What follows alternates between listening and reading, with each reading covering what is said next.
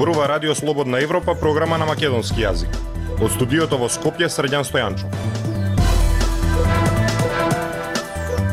Ја слушате емисијата на Радио Слободна Европа, почитувани. Во неа објавуваме Македонската православна црква ни коментира ни се оградува од ставовите на владиката Петар која опиша родовата еднаквост како богохулие. А рачиновци не плаќале данок зашто во општината немало кој да им наплати. Косово конечно доби визна либерализација со Европската Унија. Слушајте не.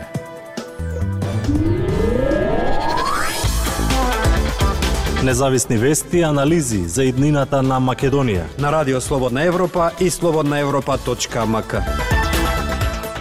Македонската православна црква без официјален став за великденската порака на владиката Петар со која родовата еднаквост ја опиша како богохулие.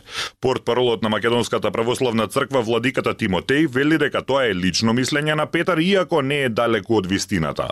Од клубот на пратенички, но и невладините организации сметаат дека е жално во 21 век да се слушаат вакви изјави.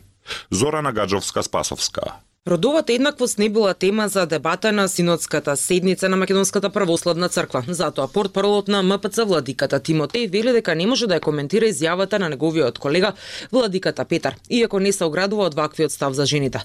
Владиката Петар во великденската честитка порача дека земјава ја демне опасност наречена родова еднаквост. Според владиката Петар, родовата еднаквост е богохулна, противприродна и изопачена теорија.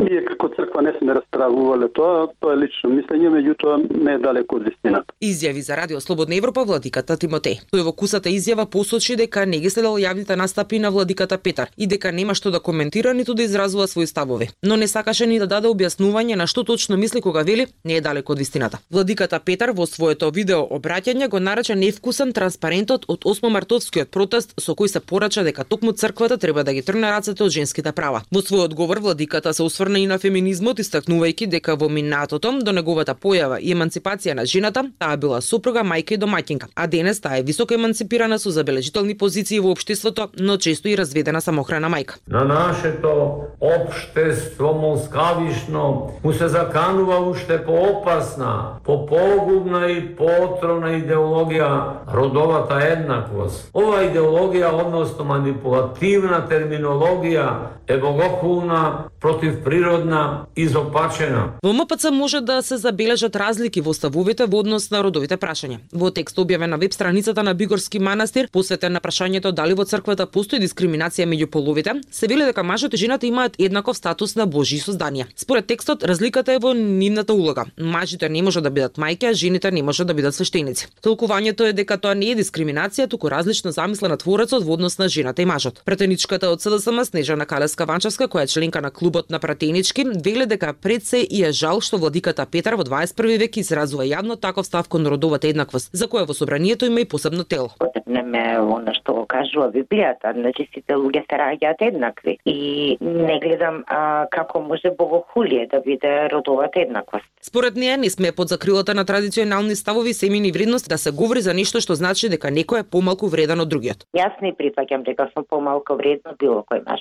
затоа што природните разлики со мажите се нешто сосема друго, а родовите улоги не ги дава општеството. Лавина реакции на социјалните мрежи покрена изјавата на владиката Петар. Активисти за родова еднаквост ја осудија изјавата и бараат од МПЦ да се огради од ваквите ставови, истакнувајќи дека родовата еднаквост бара еднаквост, а не поголеми права.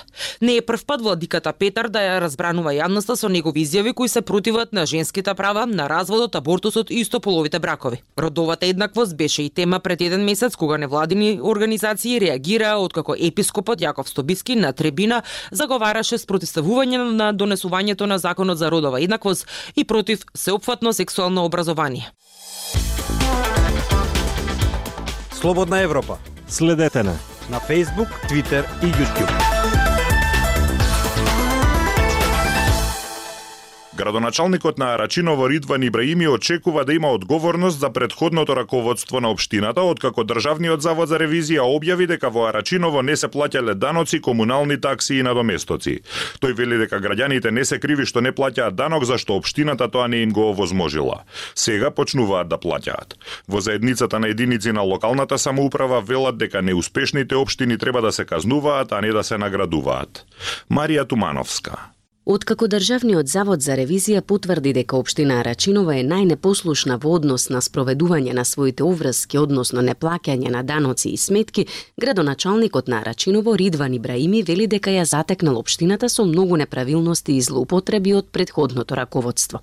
Тој вели дека е загрежен за извештајот и смета дека не смее да се дозволи една општина да биде до толку неорганизирана. Особено кога се знае дека општината е само десетина километри оддалечена од најглавните институции во државата. Според него, граѓаните не се виновни што во општината никој не плаќа данок на имот, бидејќи самата локална власт не им го возможила тоа. Тој нагласува дека процесот е веќе започнат и досега се регистрирани 2091 куќа, од кои 15% доброволно платиле данок. Не загрижува, не загрижува. Мислам дека не служи во целост на, на, на ниво на државата една општина да биде за тоа ниво неорганизирано. Мислам дека тоа не служи за, за нашата иднина, за нашата која веќе постојано, значи секој втор збор ни е Европска Унија вели Ибраими. Од заедницата на единиците на локална самоуправа се свесни дека одредени општини добиваат поразличен третман од другите.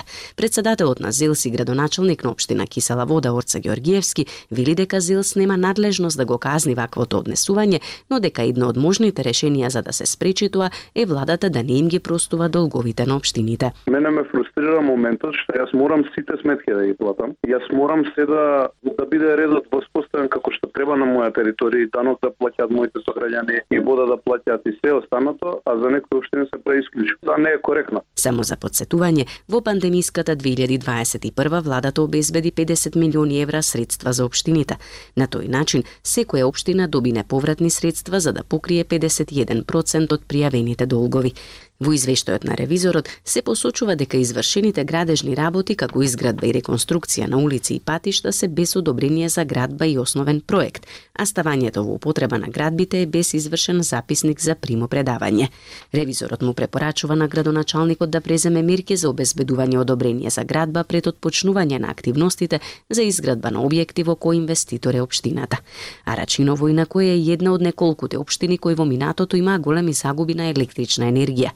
Лани летово жителите на оваа општина три дена останаа без струја поради дефект, откако трафостаницата се преоптовари поради неовластено користење на струја, но и неплатени сметки. Многу пати до сега медиумите алармираат дека во Арачиново последните две децении не се наплаќа данок на имот. Шест градоначалници се сменија, а притоа до лани не беше воведен компјутерски систем за наплата на данокот. Актуелниот градоначалник уверува дека оваа состојба во иднина ќе се промени.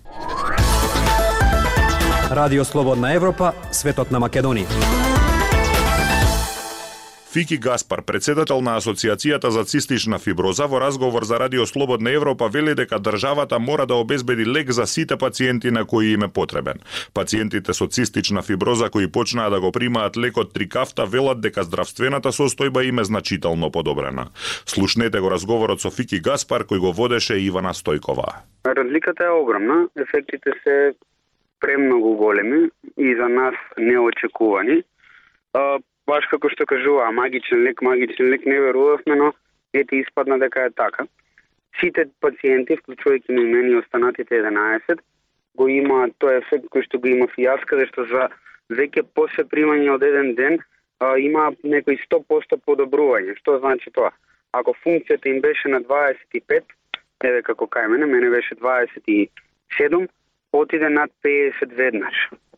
Што е страшно, са и другите кажуваа, нели, колку позитивен е, е ефектот кај нивен, на кај нив тие што беа со околу 30 отидоа на 60 функционалност и не само функционалноста како параметар во февот, тоа што е нели белодробниот капацитет, туку и се чувствуваат многу подобро. Еве, например, јас лично се чувствувам многу подобро, можам да се движам се вратив на работа официјално како што си што си работев пред да ми се влоши состојбата.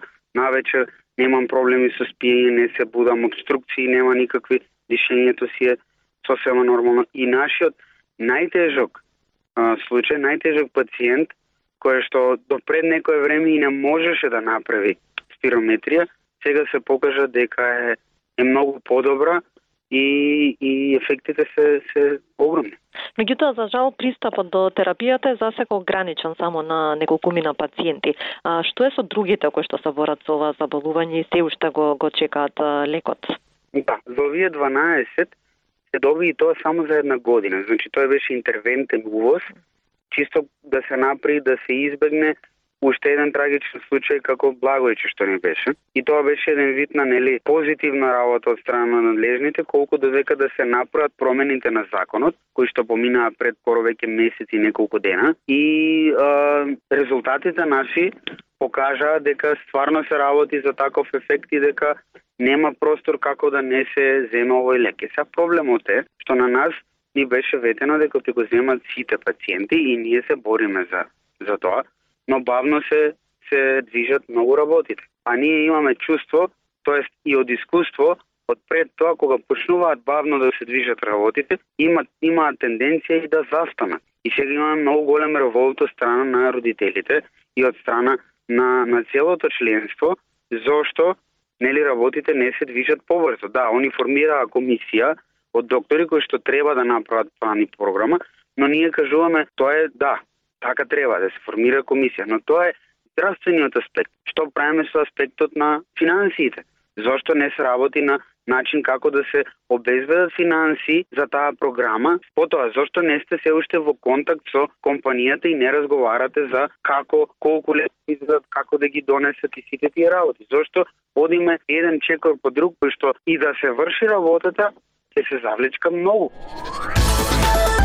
Актуелности свет на Радио Слободна Европа. Една деценија по останатите земји од Западниот Балкан, Европскиот парламент донесе одлука за укинување на визниот режим и за граѓаните на Косово. Граѓаните на Косово ќе може слободно да патуваат во земјите од Шенген зоната од почетокот на наредната година. Европскиот парламент ја усвои одлуката за визна либерализација за Косово со што се завршени сите релевантни процедури за одлучување. Според усогласениот текст на одлуката, косовските граѓани ќе може слободно да патуваат во државите од Шенген зоната од 1 јануари 2024 По гласањето во Европскиот парламент в среда ќе биде одржана церемонија на подпишување на правниот акт каде што ќе учествуваат представници на Европскиот парламент и на Советот на министри на Европската унија. Двете институции кои го одобруваат укинувањето на визниот режим за една земја. Со објавувањето во службениот вестник на Европската Унија која следува за 20 на дена, одлуката за визна либерализација стапува на сила. Сепак, првиот ден од наредната година е моментот кога државјаните на Косово ќе може слободно да патуваат во Шенген зоната. Во согласно со одлуката за Косово, граѓаните на земјата имаат краен рок, односно 1 јануари наредната година кога најдоцна би можеле да патуваат без визи. Европската комисија уште во 2018-та препорача укинување на визниот режим со Косово, но политичката одлука беше заложник на внатрешните проблеми во одредени земји членки. По неколку години застој, прашањето за визите повторно оживеа во светло на руската агресија врз Украина. Европската Унија презеде неколку позитивни чекори кон регионот во обид да го намали руското влијание и последиците од војната во Украина. Така Европската Унија одлучи да ги отвори пристапните преговори со Македонија и Албанија и да и додели кандидатски статус на Босна и Херцеговина. Во овој контекст, заживувањето на процедурата за завизна либерализација за Косово беше логичен чекор. Со укинувањето на визниот режим, Косово им се придружува придружува на другите земји во регионот чии граѓани повеќе од една деценија уживаат во слободата на движење.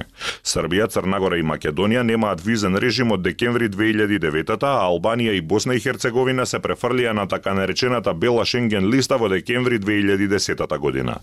Процесот на либерализација со Косово траеше најдолго во споредба со другите земји од Западниот Балкан.